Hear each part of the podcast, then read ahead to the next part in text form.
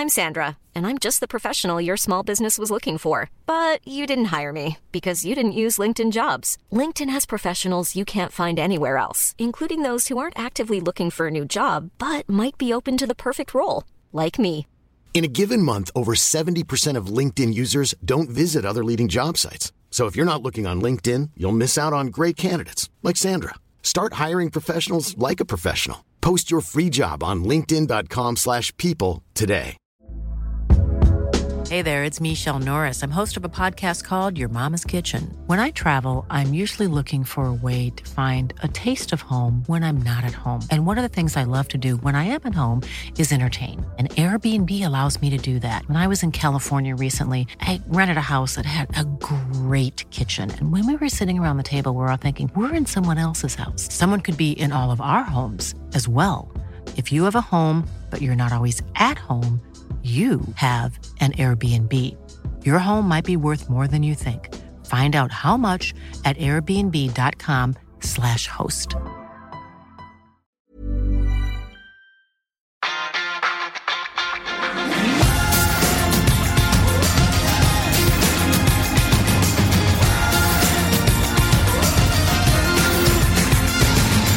Can't believe it. Football, bloody hell.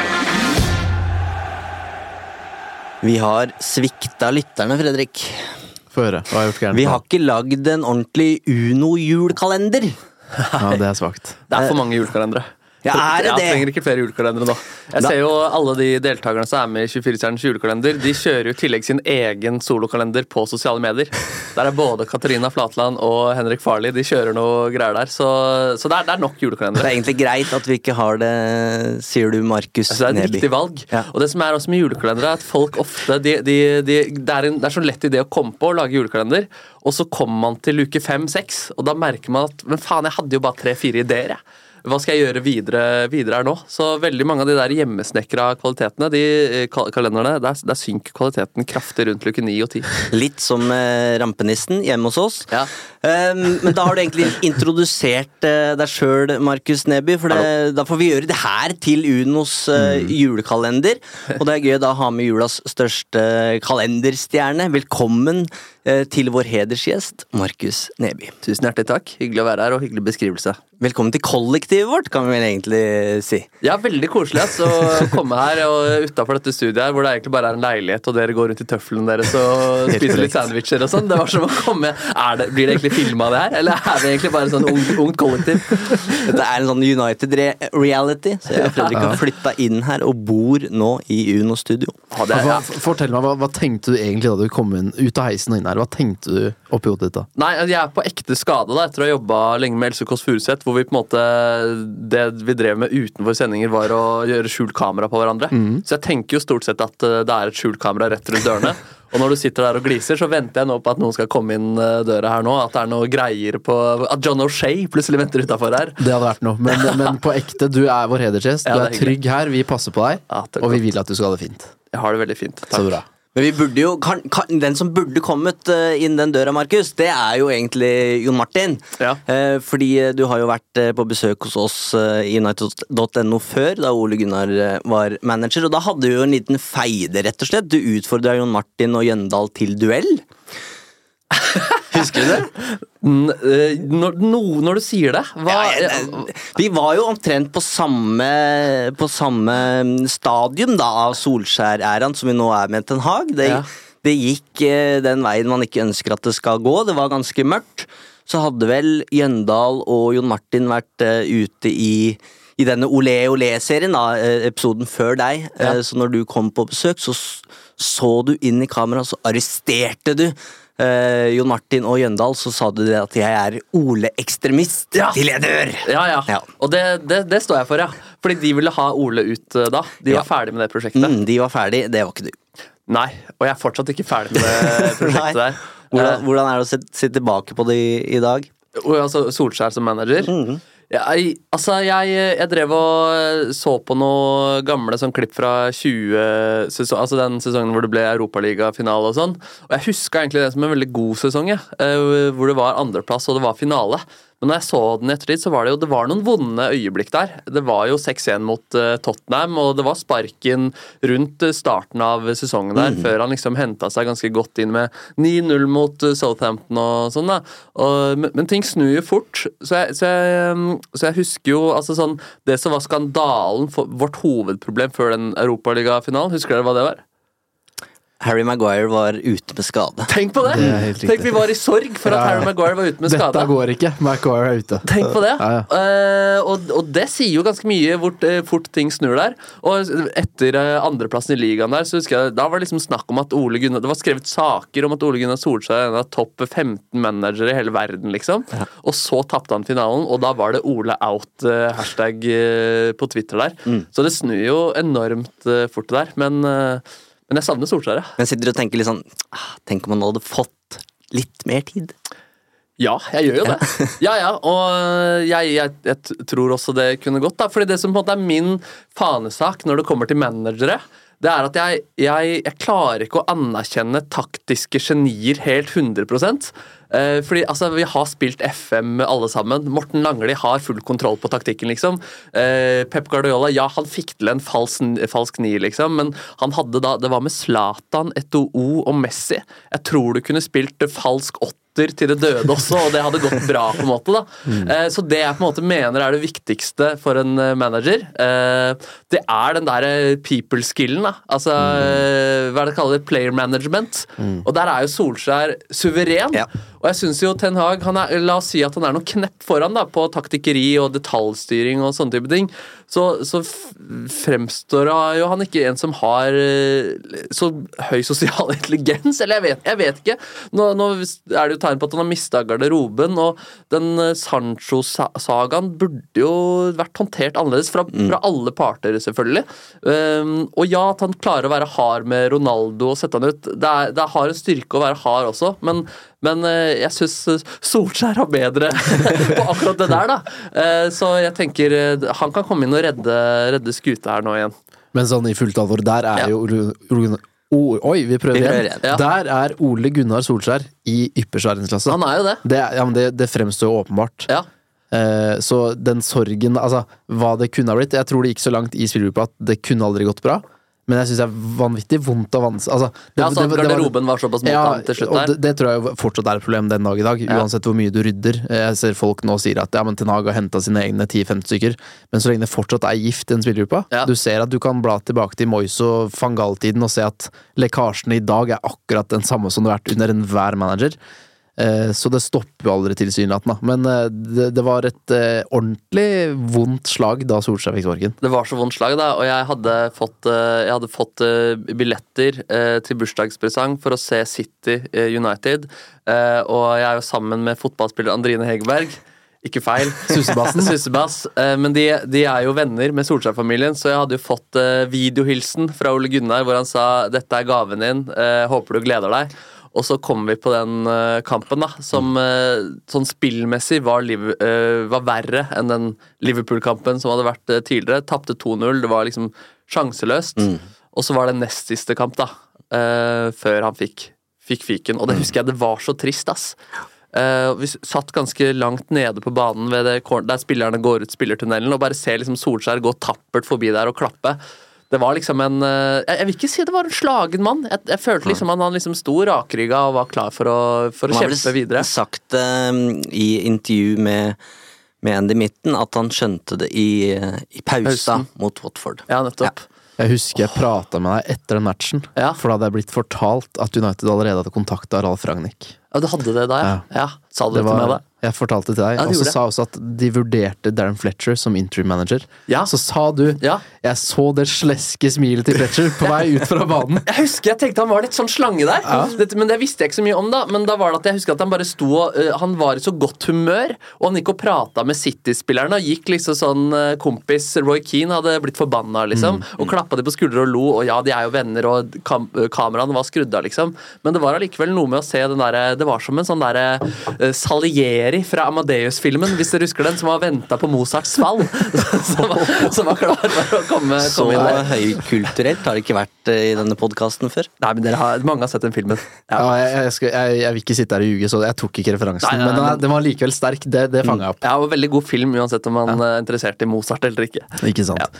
Men eh, Markus, eh, det er deilig at vi har en podkast hvor vi bare starter med å spore fullstendig av. Det er der vi skal være når Ja. Hedersjesten er på besøk. Ja, Hva er sporet dere vil inn på? Jeg vil spore oss tilbake, og spole oss tilbake til starten. Fortell meg, Markus Neby, hvor startet det ditt forhold til Manchester United? Å, Hvor vel- og hvordan? Ja, det var jo på 90-tallet. Eh, vi, altså, det, er, det er to ting da, som eh, Jeg hadde veldig gode forhold, oppvekstforhold for å bli United-supporter. Og det viktigste var at faren til bestekompisen min jobba i Sharp. Eh, så han fikk så mye sponsorgreier med hjem. Og jeg har fortsatt en sånn, eh, en sånn lagbilde eh, på, på hjemmekontoret mitt hvor det er da United eh, 97-98, tror jeg, med masse sånne der computere og, og skrivemaskiner og mikrobølgeovner stående. God, deilig nostalgi der. Og så var det nabogutten da, som var tre-fire år eldre, som jeg, var veldig, som jeg så veldig opp til. Eh, som alltid jeg gikk inn og ville leke med han, og så så jeg at han på en måte, når han så meg i kjøkkenet, så dukka han. Og at foreldrene sa nei, han er ikke hjemme nå. Men han, han, han, han eide på United, og da gjorde jeg det også. Og så, og så var jo vi eh, så Når vi skrev kontrakt med, som United-supporter på 90-tallet, så var vi jo medga- medgangssupporter også. Det gikk jo knallgodt. Så vi har jo ikke den, de har ikke levd opp til den kontrakten vi skrev der. altså. Nei, også, og da, måte, da, jeg, da jeg virkelig ble Ole Inn-ekstremist det, Alle ekstremister det kan jo spores tilbake til barndommen, også her. Det var vel eh, 97-98. Jeg husker jeg lå Jeg hadde lagt meg, men så, så hører jeg at det ringer på døren, og så merker jeg at her er det noe, noe spennende på gang. Um, men så blir, jeg ikke, så blir jeg ikke vekket, men jeg hadde en sånn kriblende følelse i kroppen. Og så våkner jeg dagen etterpå, og da har en søstera mi sin bestevenn Hun har kommet med to presanger til meg. Eh, og det viser seg da at denne bestevennen her, hun jobber som frisør på Brynsenteret i Oslo. Og der jobber også søsteren til Ole Gunnar Solskjær. Oi. Så da hadde jeg fått altså en sånn lite bilderamme, eh, som jeg også ha framme nå i stua, faktisk. Eh, hilsen til Markus fra Ole Gunnar Solskjær. Og så fikk jeg også en shorts da, i eh, den, den drakta som var det året. Hilsen til Markus fra Ole Gunnar Solskjær. Det er stort. Det er stort, altså! Og da er det vanskelig å ikke bli Olin-ekstremist. Så husker jeg at eh, etter dette på, på Norway Cup så hadde United De trente der. Og så at eh, jeg, jeg dro og så dem, og det var også veldig stort. Og jeg hadde også med meg denne bilderammen, for jeg hadde lyst til å si til Ole Gunnar Solskjær Det er meg, forresten! Det var, husker, husker, du at du skrev det her? Det var meg. Ja. Ja, Åssen var responsen? Nei, jeg møtte han jo ikke heller. Nei, men jeg, det skjer jo innimellom meg sjøl. Noen sender meg en DM nå, gøy julekalender, og så sier jeg tusen takk, og så var det Det er meg fra festivalen i sommer, forresten. Den, er, den er vanskelig. Den er, Den er litt vrien. vanskelig. Ja, og sikkert enda vanskeligere for Ole Gunnar Solskjær. Ehm, vi har snakka mye om Solskjær, men hvis du skal plukke ut liksom én helt fra ditt United-liv, er, er det Solskjær? Ja, men uh, Barthes henger også på Jeggen, Ja. veggen hjemme hos uh, meg. Så du er Onana-fan også, med andre ord? Nei, det Nei. handla nok ikke så mye om det. Det handla egentlig bare om uh, at han var rå keeper i VM 98, og så kom han til United etterpå der. Dette var i 98, og jeg det er litt jeg var så fan av Barthes at jeg skinna meg, faktisk. Uh, vanlig trekk av en syvåring å gjøre, men jeg hadde lyst til å ligne på Fabian eh, Barthes. Det var jo en halv Barthes på Ikke lov å le på hytta òg. Det var det også, for så vidt. Ja, så, ja søren, altså. Jeg, Ja, det ble jo en liten hel Barthes der etterpå, når jeg måtte fjerne det i år også. Det, ja, så jeg, jeg prøvde å sende Barthes en DM i fjor, faktisk. Uh, han har ikke så mange følgere på Instagram. Han er stort sett opp- opptatt av motorcross og bilkjøring. men, uh, men han er ikke så aktiv der, så jeg har ikke fått noe svar fra Barthes helt ennå. Det er skuffende. Det er litt skuffende. Hadde han bare visst hvem du var. Jeg tror jeg har flere følgere enn Barthes på Ja. Instagram. Det er ikke bare bare. Men eh, ja, nei, så Andrine da, hun, var, hun var jobba i, under VM i fjor eh, på NRK, og der hadde de et sånt studio hvor det hang masse sånn kort eh, av gamle VM-helter. Og da, når de skulle rydde studio, så fikk de velge med seg to, eh, to sånne hver. da. Og da fikk jeg Barthes under treet i VM 98, så den henger også på hjemmekontoret. Så det er Solskjær og Barthes. Ja, den er ikke helt feil, den, altså. Nei, nei, det er en fiffig kombo. Eh, for jeg eh, Altså, Solskjær var åpenbar for min del. Ja. Barthes ikke like åpenbar. Jeg syns han var en kul keeper, jeg òg, men jeg, jeg kunne liksom ikke komme unnom Beckham av de litt mer Nei sånn da, standard. Du har vært innom eh, Beckham-kjøret, du òg. Ja, jeg er gæren. Ja. Jeg husker den dagen eh, fattern leste fra papiravisen at Beckham skulle til Real Madrid. Og det var, det var, kniv, det var kniv i hjertet der. Og da hadde jeg ikke liksom så god oversikt over alt som foregikk. Vi hadde ikke Premier League-kanalene da, og så var jo liksom ikke så oppdatert som man egentlig følte man kanskje var. Eh, Så det kom jo som et sjokk. Det var en, jeg husker, det var en sorg. Det var det. Eh, fordi um, David Beck altså, han, Som jeg har lært i den Netflix-dokumentaren nå, så var han jo litt undervurdert. Ja. Og spesielt de siste sesongene der så scora han veldig, veldig mange mål. Eh, og han var jo ikke bare popstjerne, men han var jo på en måte han, For mange så var jo han Manchester United. Ja, så du fikk virkelig testa Ok, er du faktisk United-fan, eller var du Beckham-fan? Ja, nemlig, ja. Uh, så det husker jeg godt. Jeg husker uh, Sportsnyheten på TV2 den kvelden der. Ja, det husker jeg. Åh, det var grusomt. Ja, Var det Davy, eller? Som Det, var nei, jeg, eh, jeg, jeg husker ikke den, men det Nei. kan fort ha vært Guro, Guro Fostervold. Ja. Det kan ha vært det. Ikonisk. Eh, og da var det liksom sånn David Beckham er klar for Anna Litt. Og det, det kom en liten tåre på mitt unge, mitt unge kinn. Ja, det er trist å tenke på. Det var, det var vondt. Ja. Ja. Og hvis man, jeg, jeg så gjennom den, eh, den treble-DVD-en uh, her for noen uker siden, og de målene med Beckham, eh, assister og med Ja, ja. direktefot, det er, det er jo liksom Skruen som Beckham er ikke på en måte en myte. Det er På helt liksom måte. Mm. komisk parodisk å se hvor bra han køler den ballen gang etter gang. Det er ingen 20 år etterpå som liksom er i nærheten av å overgå det, det der. Det er sånn Nei? Ta meg Er det arre- riktig? Det var- arrester- Nei, men er, er det det? Jeg følte det var en brannfakkel. Altså, selvfølgelig fins det masse folk, men, Ja, men, ta- jeg kommer ikke med sånn, noe, jeg, altså. Si at uh, kreativiteten til De Bruyne Det blir jo noe helt annet, Ja, for det er ikke den Du altså, har jo føtter, da. Du har jo foten til Roberto Carlos og han. Joninho, men ikke den kølen, på en måte. Den skruen og presisjonen som han hadde. Nei, Den syns jeg er helt unik. Jeg, jeg kan ikke skjønne hvem, hvem er på en måte nærmest. Jeg hører dem på en måte nevne Ward Prowse, Ja. som har en type lignende tilslag. Men det er, ikke, det er ikke likt nok for meg til at han får Beckham-stempel på den. Men at han er i nærheten av Beckham sin klasse. Eh, altså nesten like god, men det er ikke, ikke like fint. Nei. Raymond Kvisvik sin venstrefot, kanskje. Ja, Den var ikke dum, den er heller. Prikka han på panna til Rayo Piroya der. Da er du sjanseløs, ass. Når du så Piroya og Kvisvik på andre siden av banen, da visste spilleren at slaget var tapt. Vi kjenner deg jo godt fra diverse produksjoner, eh, Markus. Eh, men hvordan vil du beskrive deg sjøl som United-supporter? Hva slags eh, type er du når du ser United-matcher?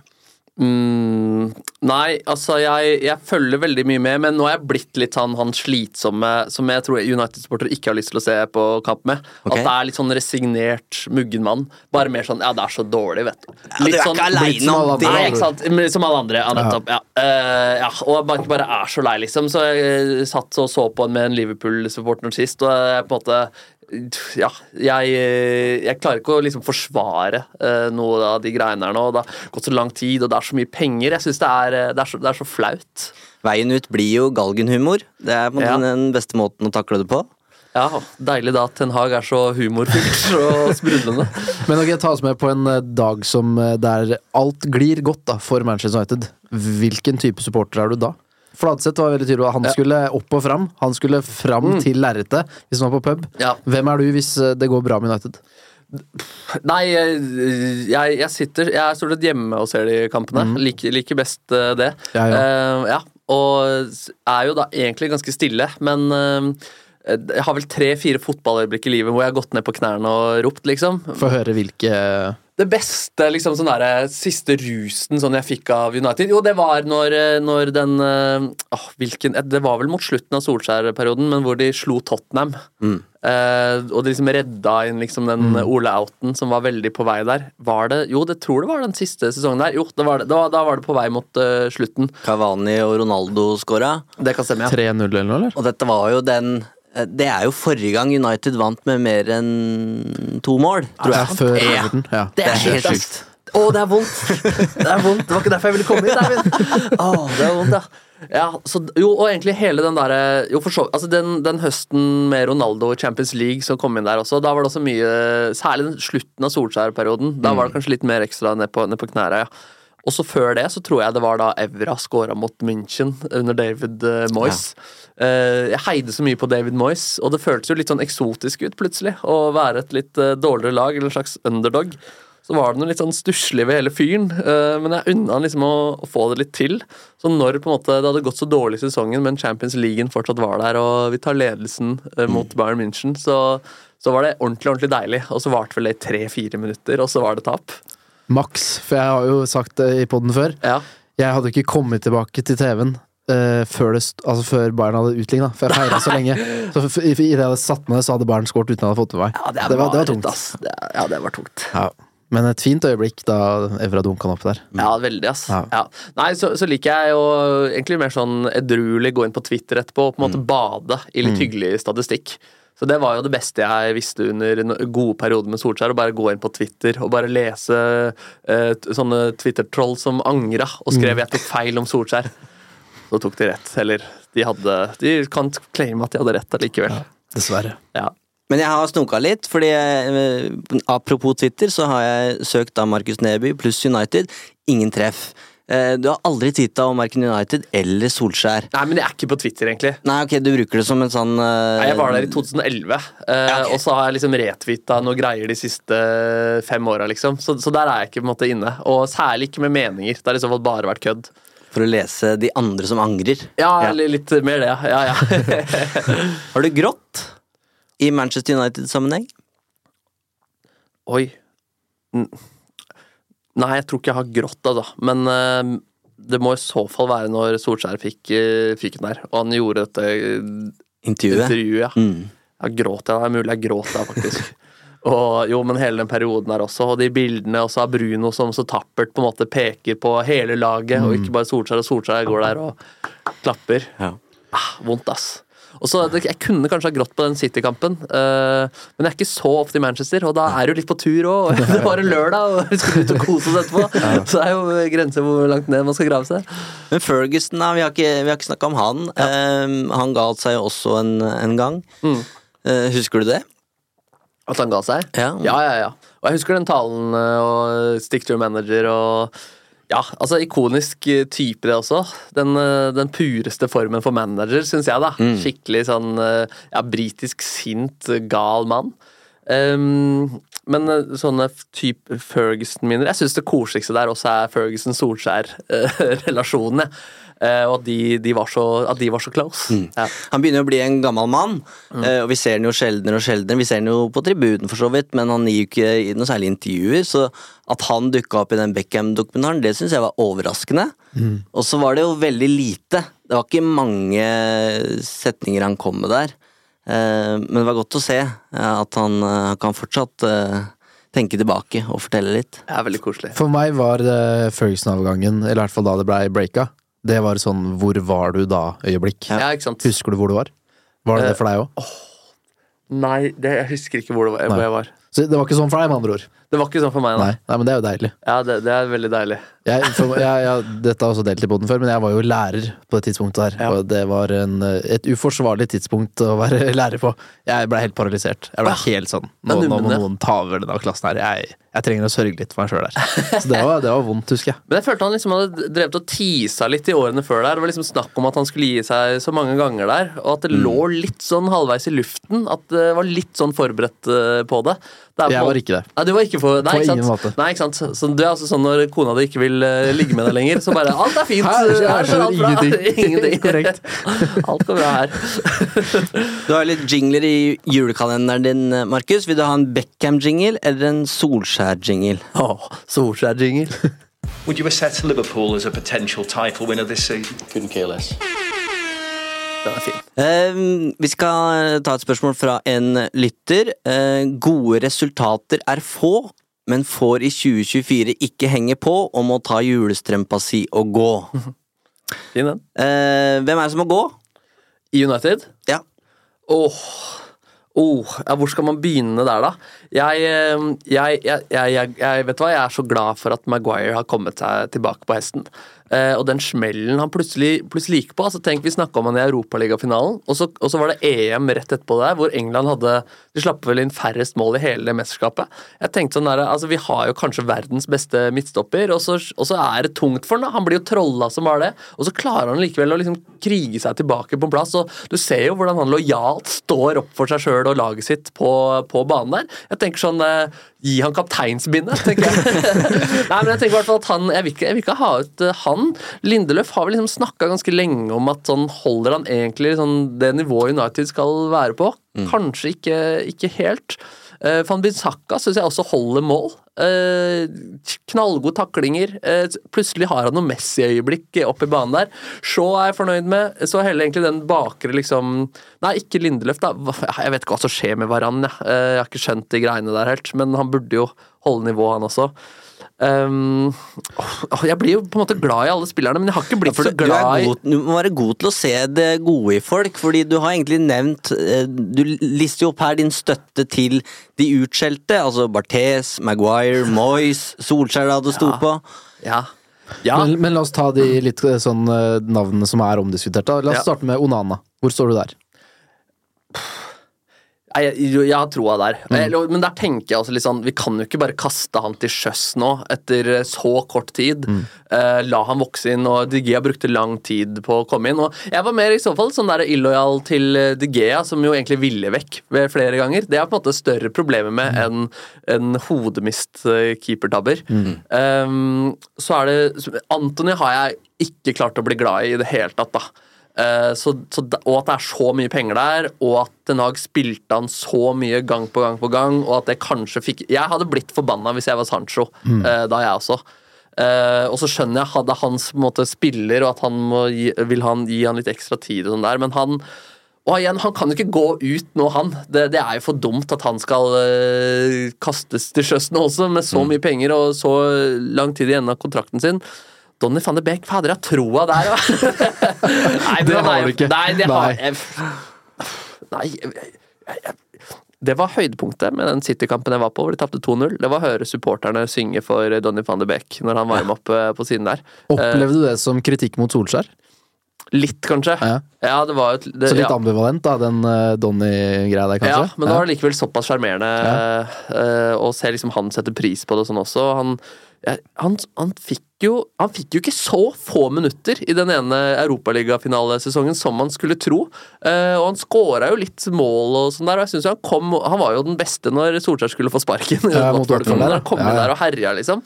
Det, det er jo noe ra, rart, altså, hvorfor, hvorfor det bare ikke går. Men eh, nei, nei, han er jo ferdig, så måte han, han er jo veldig safe eh, pick der.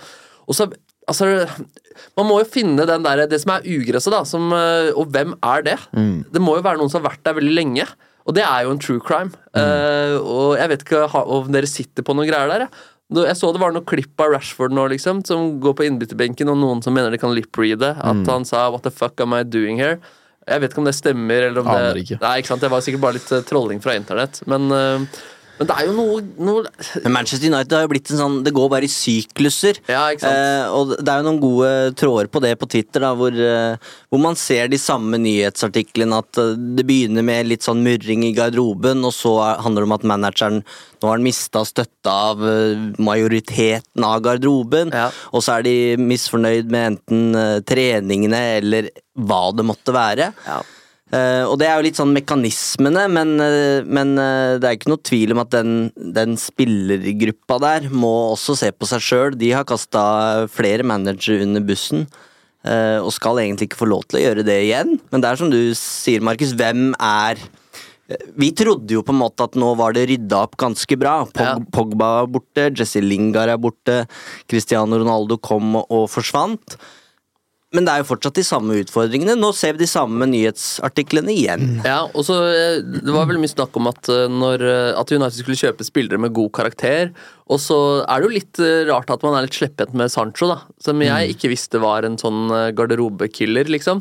Eh, og når han i tillegg er liksom bestevenn med Rashford og, og mange på det laget, så kan jeg skjønne at det på en måte at det kan smitte seg litt, litt dårlig stemning der. Um, jeg vet ikke, Rashford han slår meg ikke på en måte som typen som liksom verken står fram og er negativ, eller står fram og er positiv. Eh, dette er bare synsing. Eh, men at han kunne liksom tatt litt mer ansvar som på en måte den profilen han er, og liksom gått litt foran. Og i hvert fall eh, vist på banen at Ja. han bryr seg. Og ja, Ten Hag spilte han ikke god, liksom, men allikevel, han må jo gjøre det han er satt til å bedt om å gjøre. Uh, og, og det er så utrolig skuffende å se på. Mm, og det er jo lov å være dårlig. Det er lov å Ja. å ikke være i form. Og det, Ja. Det sa jo Bojan godt i Viaplay Studio også. Men, men er, han veit at når det, den kampen mot Newcastle blåses i gang, så, så er alle øyne er retta mot han. Fordi han er på en måte fokuset nå på, på en spiller som ikke ikke blør for den United-drakta. Og så leverer du det kroppsspråket der underveis. Det er ikke sikkert de tenker på det i i match, at nå det, Dette her blir fanga opp, og det blir en greie, men jeg tror han er klar over det. Han har vært i gamet såpass lenge nå at det, dette veit han, det blir det blir det overskrifter av. Eh, Og det samme med det som skjer på, på benken der. Så det er skuffende at han ikke sjøl tar, tar et oppgjør med seg sjøl, rett og slett. Ja, det er litt det. Og selv om ikke noen av oss har Jeg ser at du er ambisiøs på tennisfronten, Markus, og hyller deg for det. Eh, og, men selv om ingen av oss har bedrevet idrett på høyt nivå sjøl, så, så holder det at vi har vært i gymmen og ser hvordan en negativ sjel der påvirker resten av gruppa. Så du trenger på en måte ikke TV-kameraer for å skjønne at mitt negative kroppsspråk og det å slå ut med armene, det har negativ innflytelse på mitt lag. Så Rashford-greiene kjenner jeg at jeg sliter eh, veldig med. Jeg sier ikke at jeg vil kvitte meg med den, men nå er han den største stjerna. Han er ikke ung lenger, han er 26 år. Han det. skal være Prime. ikke sant? Han skal være en av de som virkelig tar tak, da. Eh, Vurderer du å ta ned bildet bak deg? Nei da, jeg er fortsatt glad i Marcus Rashford. Han er jo fortsatt et klubbikon, da. Han er jo det, men det er derfor det er skuffende, liksom. Og jeg synes det er veldig deilig at han Han har vel ikke sjøl sagt at han vil vekk, eller hinta til noe, eller brukt det i noen forhandlinger, eller sånn. Og det gjør at han på en måte for meg er likevel er en legende, men bare sånn Men spiller liksom Åh, Steppe opp, da. Men så skjønner jeg at man også blir litt ko-ko i, i, i, i, topp, topplokket av å, av å være i United, og vrangforestillinger, og det er den største klubben eh, i verden, eh, og det går aldri Men du er på en måte Du er fortsatt sir Marcus Rashford, liksom. Eh, jeg så et sånn der hjemme hos-reportasje hos han, hvor han viste liksom kjøkkenet og sånne type ting. Og så husker jeg at han sa eh, liksom Han skulle fremstå ydmyk da, og sympatisk, så han sa ja, de andre spillerne de, de går til frisøren tre dager i uka. Jeg går bare én gang i uka, sånn, du på en måte er liksom, det blir ikke noen nobelpris av det, Rashford. Eh, men allikevel, der ligger lista, da. Så at det blir litt ko-ko der, det er, det er forståelig. Men også Fernandes, da. Et, liksom Ja. At kapteinspinnet kunne gjort noe med også attituden hans. Og Det er jo bra med det engasjementet hans, og at han eh, viser at han vil, men allikevel at den der, der gråteaktige utstrålingen, den er så lei. Og skulle tro liksom at kapteinspinnet bare kunne liksom retta han litt mer opp i skuldra og, og brukt det litt mer fornuftig. Eh, og eh, ja, gjøre som liksom Ikke som Ronaldo, på en måte, men når han, det er, han Hva heter han? Er det Molenstein? Han, ja. Det er det, ikke sant? Som snakker om at han bare så sånn Slutt å sutre, liksom, på banen der. Bare, det, det er jo også så basic. Løp og ikke sutre, så er vi liksom langt på vei, da. Apropos sutring, for nå er vi inne i en tøff tid som eh, United-supportere igjen. Ja. Eh, ha- og mange, mange hører på Unopodden og sier takk for nydelig terapi. Ja. Eh, hvordan prosesserer du det, det tunge? Hvem prater du med, og hvordan håndterer du ting etter et tap og tøffe perioder? Nei, Det blir jo litt sånn som med Norge, at jeg tviholder på Rekdal-straffa fra 98. eh, på en måte. Eh, at, jeg begynner å se bakover. da. Så jeg anbefaler folk å se den treble eh, der. Og det er jo litt trist at vi skal drive og niholde på de greiene der, men, men det er ganske mange sånn koselige overraskelser man får seg, i hvert fall hvis man dykker litt inn i den, den sesongen der og sånn. Eh, kom over en statistikk som var ganske rå, om Vil du gjette hvilken spiller? Oh. Vi er i 98-99. Ja. Du må gi oss et hint, da. Nei, det, det er jo hele denne episoden her har handla om han! Ole Gunnar Solskjær! Ja. Ja, det var ment som en vits, egentlig. Ja, her er det svake. Vi beklager. Ja, ja, det får beklage der, altså. Nei, men, og det er at eh, det er uh, Erling Braut Haaland har det beste uh, mål per 90 minutter-snittet i Premier League-historien. Etter Solskjær i 98-99-sesongen. Er det sant? Ja. Dette Wow. kan dere gjerne dobbeltsjekke, så jeg ikke kommer med fake news her. Men han scora dritmasse mål. eh, og I Premier League, da. eh, det var der han hadde det snittet. Ja. Jeg, tror, jeg tror Haaland hadde nå 77 minutter. Solskjær hadde 71. Skåra masse mål på mange av sine innhopp. Og det syke med det er at han hadde et høyere målsnitt i Champions League. Der var det mål hvert 68. minutt. Han, men da spilte han veldig lite. Eh, så den er ikke like sterk, liksom. Men, men, Men det er jo sammenheng mellom de to tallene, da. Det er jo litt det, ja, ja. en pekepinn. Det er Absolutt. enorme tall, faktisk. Det er enorme Med tall. forbehold Med om at det stemmer. Dobbeltsjekk det. Men, ja. men, men jeg sjekka det, og jeg fant en sak også, så, så det er noen kilder her. Og, ja, men uh, internett er jo til å stole på om dagen. Så, ikke det. Nei. Altså den, så, den, så liksom dykke litt tilbake, det, Mm. det hjelper litt. Um, ja, og, og se på liksom fine, gamle mål. Beckham-dokumentaren var jo også deilig Mm. terapi der, liksom. Glemmer eh, ja, glemmer at han dro fra United eh, da, og det var bare fint. Og han fikk jo fortalt sin historie godt der òg. Ja. Ja. Nå, nå har du spurt tilbake og liksom fortalt at du, du går tilbake i tid. Husker du Og da tipper jeg vi må tilbake i tid da. Hva, hva er den største oppturen eller gleden du har opplevd som, som United-supporter? Nei, det var jo så tung, den, eh, den Aguero på overtid eh, der. Så det, Spurte om opptur eller nedtur? Nei, det spurte om, det spurte om opptur, men vi må oh, ja. bygge. Ja, greit. Ja. Du er bare en god historieforteller, så 100%. ødelegger jeg. Jeg beklager. Ja, ja. Skal være stille. Ja, jeg- Du er skjør om dagen, Fredrik. Så jeg skjønner du har unger og full pakke. Ja, ja. Altså, du ser kamper til klokka to på natta, så er, er du korrekt. sliten. Ja. Nei, så, så, så det å komme tilbake og vinne året etter, det var jo en deilig, deilig, deilig hevn der. Um, også så rått å bare få inn Van Persie og bare løse, mm. løse den koden der. Champions League Altså, de, de, de Champions League-seieren, jeg husker den ikke som, så liksom den der, som årets råeste pokal, liksom. Fordi Årets råeste I Eh, 99 eller Nei, 2008? 2008, fordi det var vel ikke så rå kamp, og var det, var det straffekonk? Ja, ikke sant? Så det var liksom spennende, men øhm, ja, 98-99, den, den henger jo igjen, selv om jeg var ganske, ganske ung, da. Hvor godt husker du det? Jeg, altså, jeg så ikke kampen, Nei. så jeg husker bare lyden av uh, familie som jubla i stua. Mm, Og så husker jeg forsiden av avisen dagen etterpå, som var den tegningen, corneren, uh, via Sheringham til foten, inn i Ja. mål. Ja, sånn var det i avisene før. Ja, det var fint, ass. Grafikk av måla. Ja, ja. Nei, så var det Jo, vet du hva? Største oppturen eh, i nyere tid, eh, det vil jeg si når Ronaldo kom til United, jeg. Eh, og bare den perioden der, hvor, hvor det var så enorm tro at du melder på Twitter at eh, det har snudd, Ronaldo skal til eh, United, og det gikk så bra i starten av den sesongen der. Virka som om Pogba var motivert. Alt liksom stemte.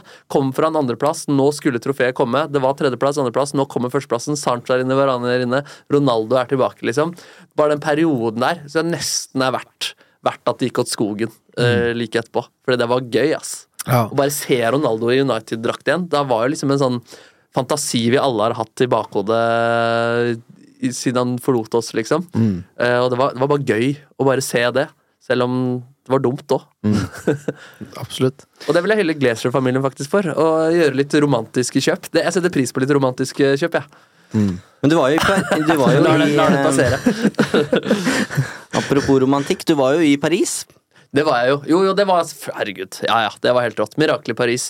Da, da satt jeg riktignok med PSG-fansen. Ehm, og det var jo et hinsides trøkk, da. Møtte jo Erik Solbakken der også, som drev og dekka Solskjær. Um, og han hadde akkurat vært på FA-cupfinalen på Nei, han hadde vært på FA-cupfinalen noen år tidligere, et eller annet sånt, og da hadde han sittet midt eh, på stadion der, hvor, eh, eh, hvor, ja, hvor altså fansen av det ene laget er på den ene siden, og fansen av det andre, og de står nærmest og skriker til hverandre, og det er sinnssykt trøkk. Og han sa liksom på den kampen her, så var det ti ganger så mye trøkk.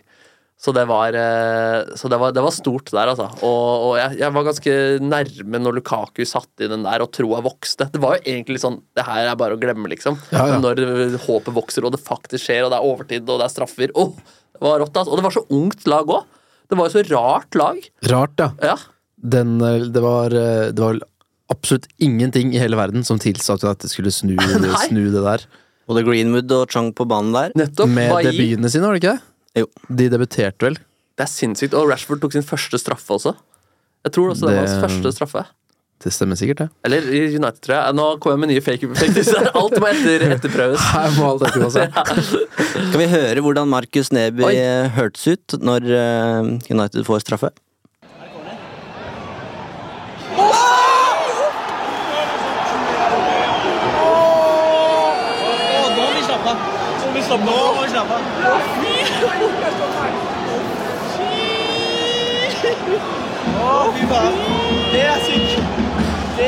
Ja, Det er flaut å høre seg så inderlig.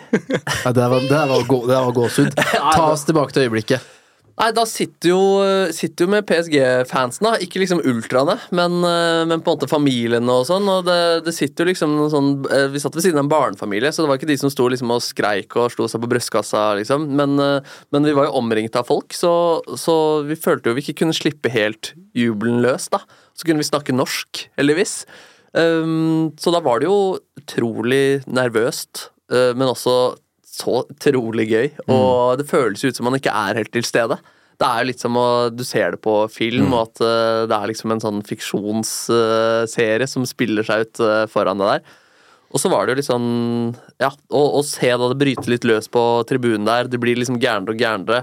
Um, føltes, føltes aldri utrygt ut, altså. Og jeg hadde ikke noe United-trøye heller. Jeg hadde sneket på meg en liten rød lue, og det var det nærmeste jeg eh, kom der. De som vet, de vet. de som vet, de vet. Altså, det, ja, det var jo helt, det var jo helt sinnssykt. Men turte du å slippe jubelen løs, eller klarte du å holde deg? Det var det, var det her, liksom, som jeg tror Ja, eh, nei, jeg, jeg, For det er vel opptakten Ja, det er opptakten, til eh, Er det VAR-sjekken du feirer der, på en måte? Mm. Det er det vel, ja. Ja, eh, jeg, jeg, jeg, jeg, jeg tror jeg klarte å, klarte å holde meg, ja. Ja. Men jeg, tror, jeg, husker, jeg husker blikket fra kiden ved siden av meg. Ja, at han- han, Her var det ureint mjøl i posen. Ja, det var ureint mjøl i posen. Og så tok vi noen øl etterpå, da, jeg og kompisen min Alexander som var og så den kampen.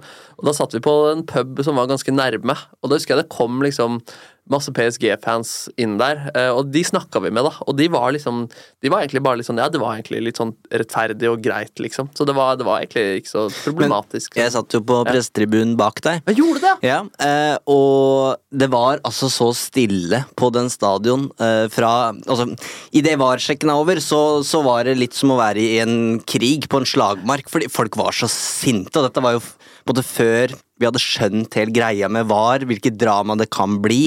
Ingen skjønte jo Straffe? Hvorfor? Ja.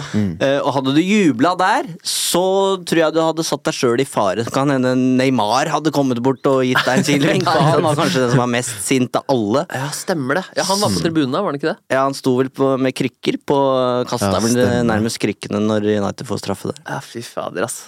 Åh, men så gøy. Tenk for en flyt det var på Sortland i starten med der. Det er jo Og- helt Jeg har sagt det noe litt sånn i, i det vi står i nå, at United må prøve å dyrke den derre verden mot, mot oss, på en måte, da, som Ja. Ferguson var så god på.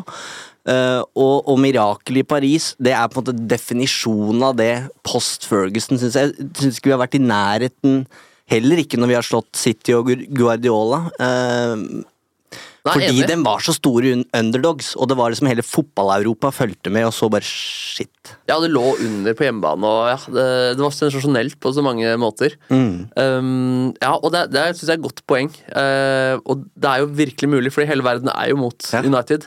Så bare få liksom La oss beholde den følelsen. Alle, alle forhold er jo uh, til rette for akkurat det der. Men for en tid det var, og jeg tror den Solskjær-perioden vil bare stå sterkere og sterkere jo lenger vi får den på avstand. Ja. Det var, det var liksom den Som norske United-supporter, som skandinavisk supporterklubb, den nærheten man følte, og det forholdet man Du har allerede et sånt enormt sterkt forhold til United som fan fra 90-tallet, liksom. Ja. Men det, det kan på en måte ikke bli noe særlig sterkere, uavhengig om det var feil eller riktig, eller liksom hvordan det utvikla seg.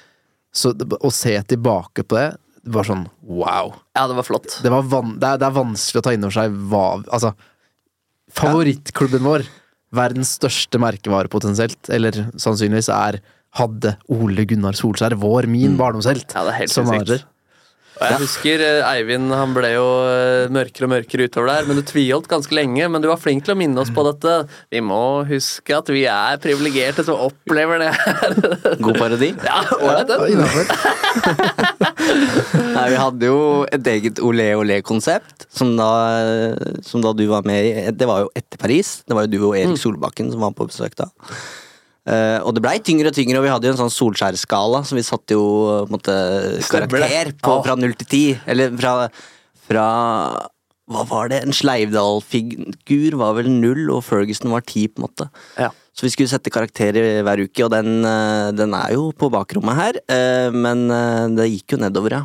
Du gjorde jo det. Det var en tier eller to, og så gikk det ned på tre-fire. Jeg husker jeg liksom ante litt sånn ugler i mosen etter den kampen også. Fordi da var det intervju med Lukaku. Eh, som også, hva Det tenker til du på? Solbakken, tenker du på? Ja, var det det? Nei, jeg tror, det, jeg tror faktisk det var på Old Trafford, men eh, han gjorde et stunt der. Jeg fikk ikke så veldig god respons fra Lukaku. Ah, Nei, men, men det var egentlig sånn der Ja, nå får vel, blir vel Solskjær permanent manager, hva tror du om det? Og så husker jeg at han var litt sånn der hoverende. Altså yeah, Isn't that obvious? Liksom, yeah, I guess-måte. Sånn, mm. Er det allerede liksom noe sånn der opprør fra med Lukaku her nå? Og Var det sommeren etter han eh, dro? eller?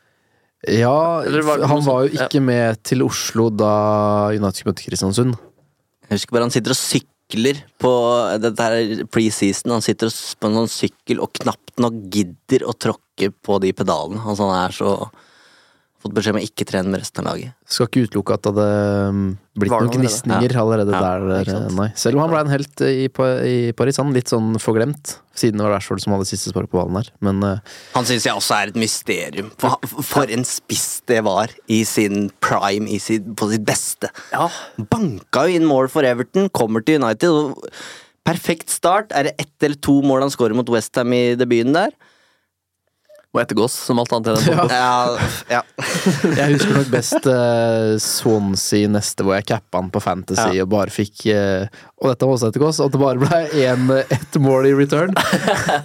Men uh, jeg er svake på fakta i dag, altså, gutter. Ikke faktasjekk disse Nei. hedersgjestepisodene. Dette er fake. Men ok, Neby, jeg sparka jo opp denne her på hva er din største opptur. Nå har vi på en måte sakte, men sikkert også beveget oss litt nedover her. Eh, hva er største nedtur?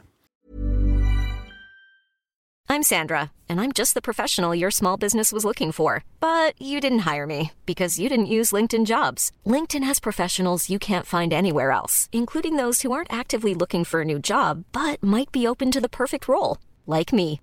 In a given month, over 70% of LinkedIn users don't visit other leading job sites. So if you're not looking on LinkedIn, you'll miss out on great candidates like Sandra. Start hiring professionals like a professional. Post your free job on linkedin.com/people today.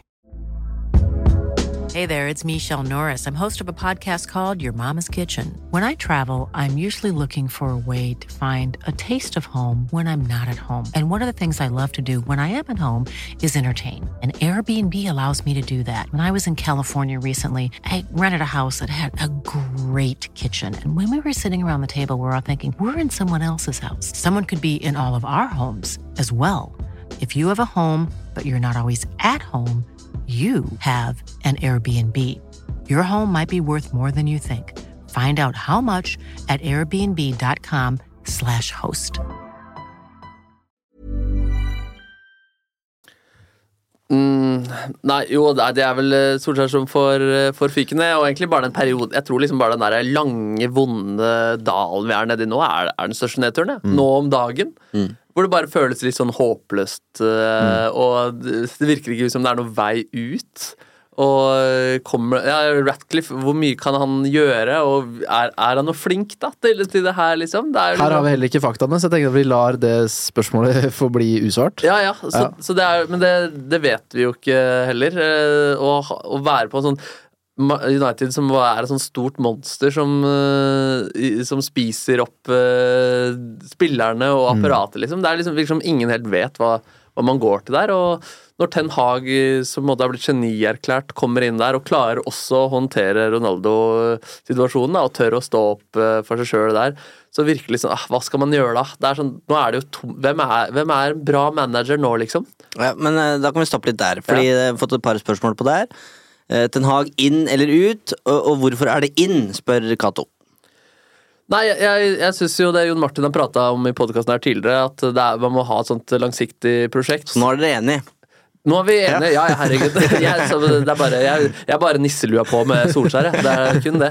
Uh, jo, nei, og der er det jo sånn uh, uh, ja, Jeg vet ikke om det er nøyaktig det Jon Martin har sagt heller, men bare at sånn at manageren må være større enn spillerne. Og da må du kanskje tåle at manageren eh, får, har tillit også under de tyngste periodene. da Um, men igjen, det er jo sånn der, når garderoben er mot, da er det jo ikke så mange veier tilbake. Uh, da, da, er det, da må Hedvig Montgomery inn der, liksom, og rydde opp. Og det er ikke så Det virker ikke så lett, da. Uh, jeg vet ikke om noen har liksom klart å snu en garderobe på den måten der før.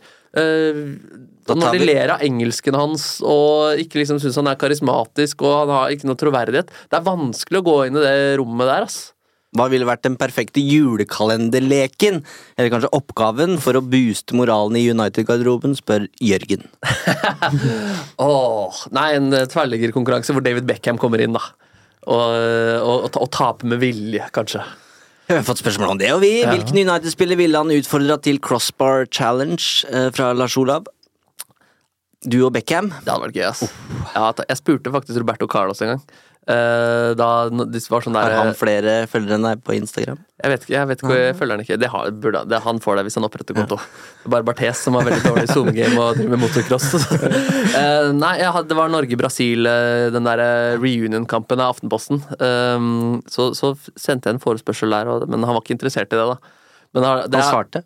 Nei, eller vi fikk svar fra leiren, liksom. Men det er ganske ikonisk øyeblikk, faktisk. Eh, anbefaler jeg å gå inn og se på. I den der sendinga så blir Roberto Carlos eh, intervjua rett før eh, matchen og skal vise ja, har du slegga inne fortsatt. Og så forklarer han liksom hvordan han skal gjøre det. Tar en sats, skyter den største lompa noensinne, og så bare ler han litt, og så prøver han igjen, og så bommer han som faen igjen.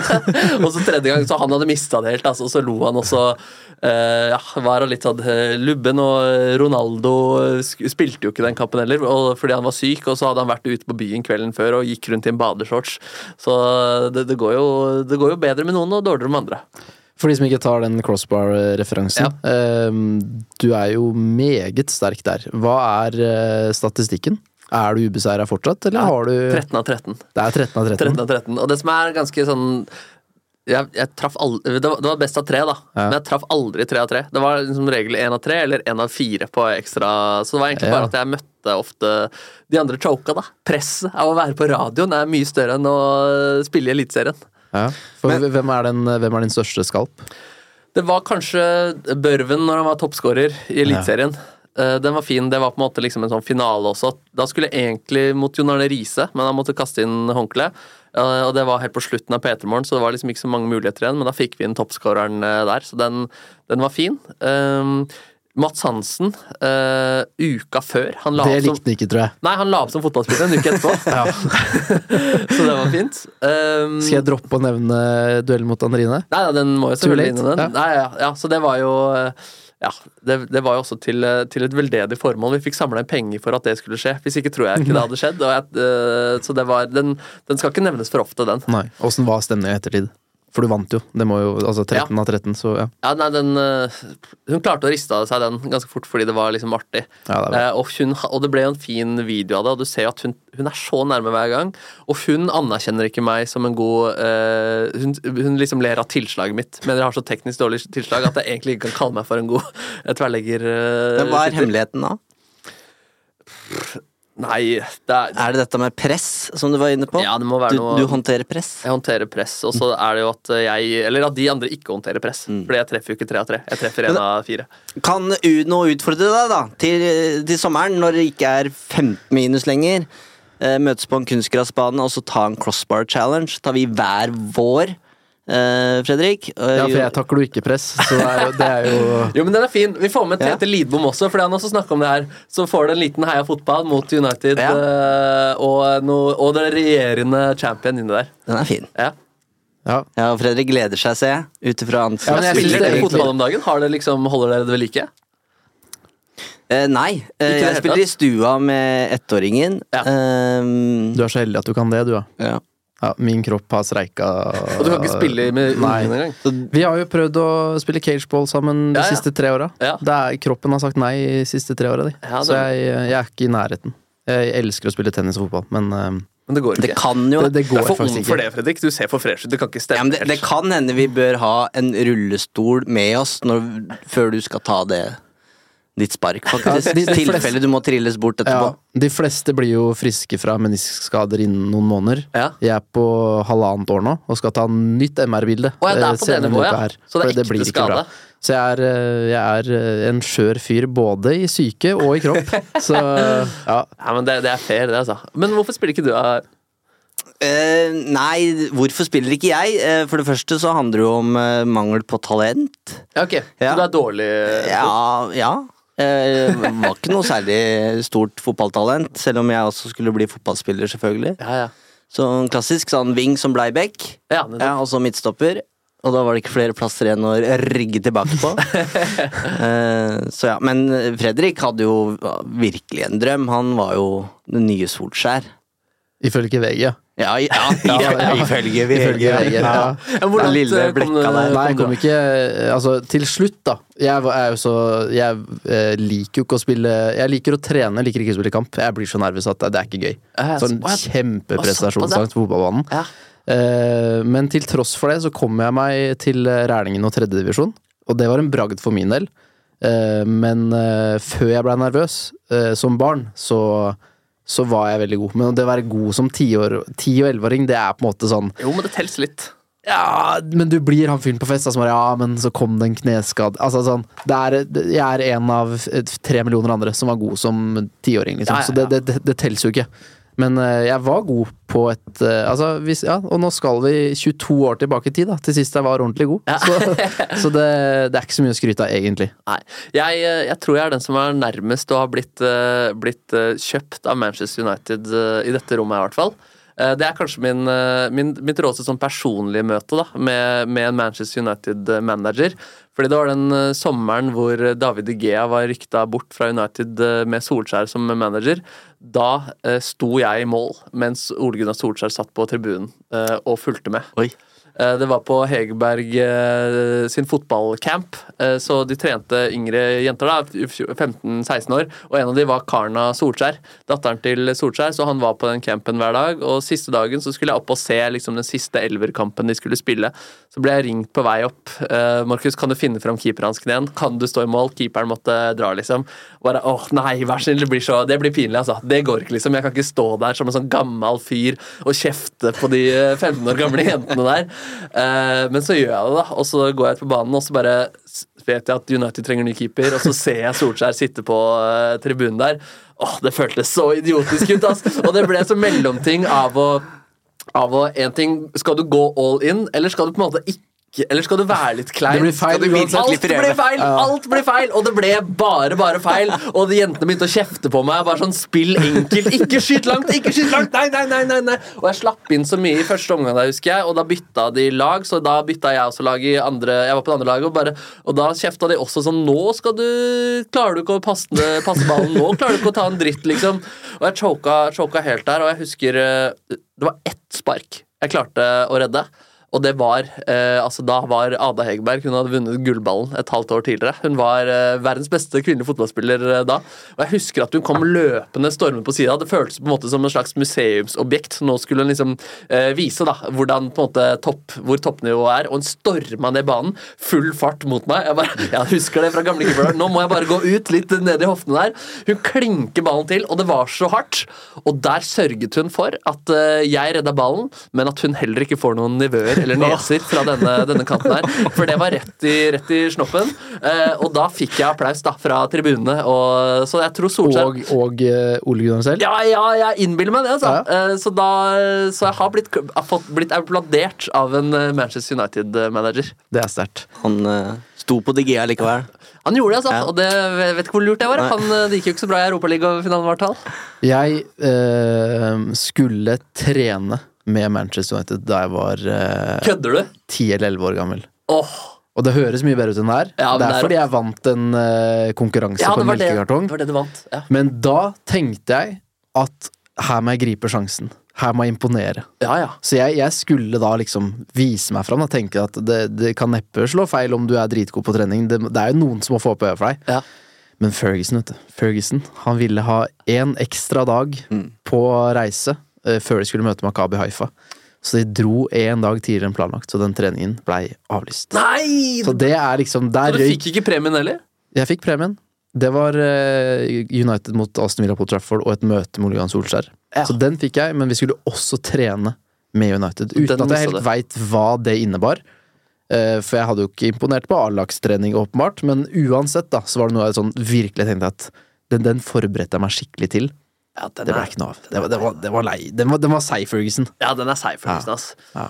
Men de holder koken. eh, Når når jeg var i United, da så jeg den siste seriekampen uh, Fulham 2-0. Eh, Old Trafford. Eh, og da hadde jeg også en sånn guida tur, eller var innom og så stadion. Og da var det en liten sånn firmafest ute på, eh, på banen der, hvor det var fotballspillere. Og der holdt West Brown også koken, altså. Ja. Og det var godt å se. Litt, Ja. han var ikke til å kjenne igjen, han heller. Nei. Men litt sånn Roberto Carlos-teknikk og, og BMI. Men, Mm. men, men herlig å se at det er mulig å trene med United-legender. Mm, det er det. Du har nevnt Solskjær, nå har du nevnt Brown. Eh, Har du møtt noen andre United-personligheter, eller har, har du noen historier som det er artig for lytterne og for meg og Eivind å høre? Nå er, nå er det veldig mye Solskjær her, men kan ta en siste, Fortsett med Solskjær. siste, siste der, da. Fordi det var jo, ja, som dere skjønner, det, det går på en måte dypt. Og jeg har jo møtt mange uh, kjente, profilerte, både utenlandske og norske artister og skuespillere gjennom P3 Morgen og Kåss til kveld og sånn, men akkurat Solskjær, der er det et eller annet sånn der starstruckhet jeg ikke klarer å gjøre noe med. Uh, Så det var på den nevnte Hegerberg fotballcamp, da, uh, hvor alt på en måte ligger til rette for at jeg skal kunne møte Ole Gunnar Solskjær. Um, det er egentlig helt naturlig at jeg skulle gjøre det. Så, så var det en, en formiddag hvor Ada og Andrine holdt et foredrag. Um, og så var alle jentene selvfølgelig der, og så var det noen foreldre. Blant annet da Ole Gunnar Solskjær så på dette foredraget. Og jeg husker at jeg satt to rader, to rader bak, liksom, og han satt og fulgte med. Og etterpå så så går han liksom og snakker med Andrine og Gerda, altså svigermor. Um, og de holder praten, eh, praten gående, og det er egentlig veldig naturlig at jeg skal gå bort og snakke med dem der også. Men, men jeg tør ikke. Uh, så jeg bare står litt lenger borte. Um, og så skjer det at uh, Andrine og Ada og Gerda de begynner å gå mot meg liksom, de, mens de snakker, og jeg bare rygger. Så jeg, jeg bare rygger helt ut av, eh, av hele bygget der, og det ender med at jeg liksom jeg går, ut, jeg går ut døra og bare står ute der. Og så kommer de til og med ut døra og begynner å følge De følger mot meg, men da bare går jeg bort på parkeringsplassen, så står jeg ved siden av en trailer og bare ser på at de står og prater sammen.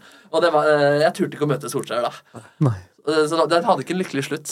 Den dagen, det var bare det må ha vært utrolig rart å bare få en, for en hodemist og bare rygge unna når egentlig du bare, det er helt naturlig å gå til kjæresten din og si 'fint, fint foredrag'. og, og han er jo kjent for å være verdens mest sympatiske mann, så han hadde jo ikke akkurat gitt meg en kald skulder om jeg hadde kommet bort, eh, Det bort hadde han neppe gjort. Nei. Nei, den er seig, for Ja, den- denne, denne trodde jeg skulle ende lykkelig. Ja, det endte for så vidt noen dager etterpå. Eh, Fordi Ja. Da var det en annen eh, trening også hvor han så satt eh, Det var på Ekebergsletta, så satt han på en sånn haug. Satt han med en far. Og da, da gikk jeg bort, da. Eh, og manna meg, manna meg opp og fikk, fikk et bilde. Og ja, hvor han også var så utrolig hyggelig. Det er, det, er, det er så hyggelig at det, det, føles feil ut, på en måte. Ikke, ja, sånn derre Du trener verdens største fotballag, du er vant med egoer, og så er du, er du sånn. Det er helt utrolig. Ja, men det er det. Vi har jo hatt noen eh, hyggelige opplevelser med han, vi òg. Bare sånn, i- sånn hvordan han har møtt oss som journalister, og hvordan ja, han var da jeg møtte ham som tiåring. Eh, Det er, det er liksom ikke til å tro at eh, ja, er, er, er det på ekte at du er sånn? Og, det, og svaret er jo ja. Ja, ja, ja, ja. Og det at man klarer å håndtere liksom, en sånn garderobe med de egoene med, med å være, være snill. Det er jo ut- utrolig. Ok, skal vi kjøre Beckham, da? Hva vil? Beckham. Jeg vil, eller Solskjær, kan vi ta Solskjær igjen? Igjen? Har du fjell, eh, fjellsolskjær? Jeg Jeg bomma på den i går. Mountains Solskjær. Ja, hør på den her. Mountains are there to be climbed, aren't they? Er Er rørt, det, rørt, er ikke det etter 2-0-tap eh, hjemme mot PSG? Det vet Da vet sa jeg han i hvert fall 'goals change games'. Jeg, men jeg tror liksom at det er sånn Nå, nå reiser de til Paris med 2-0 i sekken, liksom. Eh, blir ikke det en tøff eh, klatreetappe eller noe? Altså svarer Ja, han jo, men det er ikke Jeg mistenker det, altså. Det kan stemme, det. Sånn apropos PSG, vi har vært innom der. Ja, ja, ja. Ja, ja. Vi har snakka om både Haaland og Solskjær. Da kan vi ta spørsmålet til uh, Torfinn på tampen her. Hvilken norsk fotballspiller, glem Haaland og Ødegaard, står det, ville du elsket å se i dagens United? Oi. Um, nei, jeg, jeg, når, når vi var på jakt etter et anker, liksom, og Maino ikke har kommet opp der, og Casemiro kom, jeg, så var det sånn Er ikke, er ikke Berge innafor, da? Eh, og jeg, jeg liker liksom å se Jeg syns det er flott med pene folk i United-drakten også. Han er en veldig vakker, vakker mann. Um, det hadde jeg likt. Eh, Er det dagens spillere eller eldre spillere? Jeg tror det er dagens. Ja, ikke sant? Fordi hvis, Gamsten kunne jeg også kasta inn der. Han var vel litt linka en periode Ja, der han var det. eh, også? Ja. Det var Kristoffer Hestad òg en gang i tiden. Ja, tenk på det. Ja ja, veldig. Espen Johnsen òg, eller? keeperen. Åh, det, er, det, det kan så absolutt Men stemme. det var Arsenal han var i hvert fall kobla, kobla ut her eh, til Premier League en gang. Um, av dagens spillere Jeg syns, jeg syns Ryerson er Aursnes jeg syns han er veldig kul. Mm. Uh, og han tenker jeg sånn, han, hadde- han hadde holdt det nivået der. Tenker han er bedre enn en del av spillerne på United-laget. Men så er det igjen da hvem som takler det der presset. presset. Um, ja, har dere noe Hvem tenker dere på? Dagens United-spillere? Er Nei, altså- norske spillere. Nusa er jo Ja, ja, ja. sånn, altså Hvis resten av eh, verdens beste klubber er ute etter han, så er det jo ikke rart at Eller så ville det vært rart om ikke United også på en måte fulgte med på den situasjonen her. Ja, men ja. Og så er det ikke Så er jeg generelt på en måte skeptisk til nordmenn. Fortsatt. Så jeg, jeg er litt eh, utdatert. Jeg har på en måte ikke klart å henge med i tid at nå er nordmenn eh, også veldig gode i fotball. Ja. Uh, så jeg har ikke noe Årets talent i Eliteserien har vel United snusa litt på. Ja, Sverre Nypan. Ja. Mm. Eh, det kunne vært kult. Eh, men ja. Det blir spennende med Åren, da, om, om han klarer å Ja, det- bryte seg inn der. Og, og det er jo på en måte eksempelet som viser hvor vrient det er. Ja, ja. Spesielt når United er der de er i dag, så, så er det ikke Guardiola kan sende inn Oscar Bob eh, i en ti minutter her og der, men det er det jo ikke rom for per nå. Maino er et eksepsjonelt talent som har gått rett inn på laget her. Det er nesten ikke til å tru, egentlig. Mm. Uh, og for en norsk fotballspiller da å komme til, til United, det er så mange Eller det Hva heter det? Eh, Frank nei. Ja, Ja. takk. Jeg skulle si nøkkelhølet, så jeg skjønte jeg at det er, det er ikke riktig. Nei, vi hadde skjønt det, altså. Eh, nei, så mm, ikke Men Nusa er jo godt. Så er det bare vinger, eh, vinger og United. Ja. Det, er, det er vanskelig, det der. Og det virker som Rashford på en måte blir litt sånn furt av å ikke få den venstresida si Mm. permanent. og Ja, Hvis det er ute til venstre Nusa trives, så tenker jeg at eh, kanskje ikke det er der. Ja, jeg tror kanskje det. Hvis det på en måte også Nå kniver Rashford med Garnaccio fra før av. Kanskje vi skal ha flere unggutter inn der eh, akkurat nå. Men, Kanskje eh, Kjetil Knutsen er i managerstolen? Ja. Ja. Uh, ja. Tja. Det blir et tja fra meg. Du rygga litt der. Ja, jeg rygga litt. Men Det for jeg, var på, jeg var på vei inn på sussebasssporet igjen. Uh, og grunn, det- folk har fått med seg at du kjørte en sånn sussebass-nussebass. Fortell den. Ja. Hva var det Nei, du sa til alle Det er bare vi, vi var Vi hadde jo vært sammen, og så skulle vi bli Så skulle vi dele det, da. Det skulle bli offisielt. Ja, vi, jeg var jo på P3 Morgen og snakka om livet mitt Mm. eh, hver dag, liksom. Og da var det sånn Ja, nå, nå kan det være gøy liksom å ta med at jeg har en kjæreste her. Mm. Um, og da Mediene de er jo på ballen på en måte uansett der. Mm. Uh, og så er det sånn at mediene de skriver ikke en sak hvis du ikke gir en kommentar. Um, hvis du sier ingen kommentar, så kan du skrive uh, den saken. Men jeg tenkte det er gøy å benytte den anledningen, så, så jeg, ga, jeg sendte de som sendte melding da, bare eh, bindestrek til VG. Hun er min sussebass. Eh, også til TV 2 eller sånn. Hun er min kosebamse. også til en annen vis. Hun er min sukkerklump eller et eller annet sånt. Så fikk jeg bare ut de tre ordene, ulike ordene i ulike medier.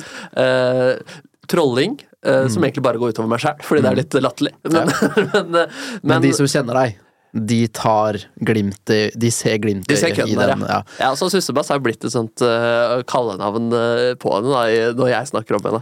Og hun er jo norsk, og Manchester United De har et kvinnelag. Ja, Hadde det vært en drøm, eller? Det hadde vært så rått, det. Bare for deg, eller for hun også? Mm, mest for meg. Ja. Men uh, ja, det var på en måte Det det var ikke utenkelig, på en måte, en periode. Og det er jo litt, sånn, det er litt fascinerende med damefotballen, som fortsatt på en måte har, har en lang vei å gå. At det er ikke nødvendigvis så lang vei fra toppserien til eh, en av de største klubbene i verden. Det er nesten sånn Har du fem gode kamper på rad og har scora et fint mål, så er du i PSG, liksom. Um, og så ja, så ja, så da hadde jeg nok insistert på at vi måtte gifte oss. Hun måtte ta Neby etter navnet, og hun- vi skulle fått en Neby på United. Tenkte jeg det. Da kunne dere sikkert fått gifta dere på Old Trafford òg. Det, det er jo forbudt nå. Det kom for mange forespørsler, men Ah, sier du det? det hadde jo ordna seg for dere. Ja, det tror jeg hun hadde satt eh, foten eh, kraftig ned for at vi skulle gjøre. Men kan du avsløre eh, Andrine og Adas eh, anglofile identitet, eller er det en godt bevart hemmelighet? Hva slags klubber de Ja. henger med? Ja, de er ikke så altså, sånn, De er litt mer sånn spillerfans. Og Andrine liksom, hun trodde jo på ekte hun skulle spille på herrelaget til Milan da hun var liten. Ja. Eh, Da var det jo ingen sånn Så langt har vi ikke kommet. Nei! så Maldini nært, var hennes storhelt. store helt. Hva da? Det var Roma. Ja, det var det. Det er nært. Det er veldig nært. Og hun, hun, det var Maldini som var henne helt, og Milan ville ha henne. Og hun fikk guida tur da i Milan-anlegget med Maldini. Eh, så ganske stort å da velge Roma isteden. Ja. Men hun hadde også en sånn Hun var også Roma-fan, liksom. Jeg tror Mm. de hadde Serie A-kanalen hjemme, så hun hadde noen Roma-drakter. Så det var også sånn Så ble skrevet litt om sånn der Follywood Dreams-aktig sånn Mm. Dette var hun, nå er hun modell for eh, årets nye drakt. Mm. Det var jo ganske kult. Um, men familien er Leeds, da. Ja. Så, den er, ja. så den er jo litt går eh, farlig. Og, så den henger nok litt grann igjen der, men hun heide veldig på Solskjær liksom, når, Mm, når Solskjær var der. Så ja, både, både svigerbror Silas og eh, svigerfar eh, Stein Erik er, er Bra du kom sånn på navnet der. ja, men kaller han seg Burgeren? Så det var veldig nærme at det var den det, ja. Svein Erik sier feil. Uff a meg. Ja, så, så der er det Leeds, liksom. Um, og de har vært på kamper og ja, så, ja, så det, er, det er på en måte Det er Leeds-blod, da. Det er det. Ja. Ja, Er du ved veis ende, Eivind? ja vi, vi nærmer oss her. Vi har noen spørsmål igjen. Har du tid? Jeg har tid, altså. Jeg koser meg som var det. Nydelig. Skal vi lufte litt? Det er sjukt vi å si det. De armhulene her kan ikke reddes, så samme for meg. Det er godt, det. Så får du si ifra når du Det ser vi når du fryser, tenker jeg. Da, Ja, ja, ja. Når du begynner å bli blå, da skal vi lukke vinduet igjen.